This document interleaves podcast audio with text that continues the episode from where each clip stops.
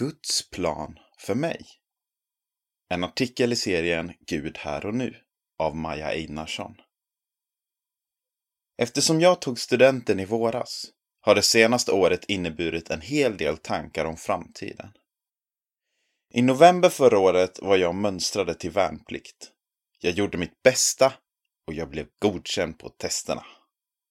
Dagen slutade dock i en stor besvikelse. Jag blev inskriven på 11 månaders värnplikt istället för 9, som jag varit helt inställd på. Det innebar att jag skulle rycka in mitt i sommaren och det kändes inte alls bra. Men det var omöjligt att påverka beslutet. En dag i våras fick jag ett meddelande om att min utbildning kortas ner till nio månader. Det som tidigare känts helt omöjligt att ändra på hade löst sig. Jag förstod att jag inte var ensam i detta. Jag hade bett över det, men jag vet inte riktigt vad jag hade förväntat mig av Gud. Jag hade i princip gett upp. Men det hade inte Gud.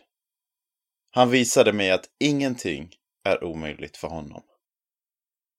Nu i efterhand har jag även fått reda på att en vän hade bett väldigt mycket över beslutet. Jag lyckades dessutom få sommarjobb med kort varsel.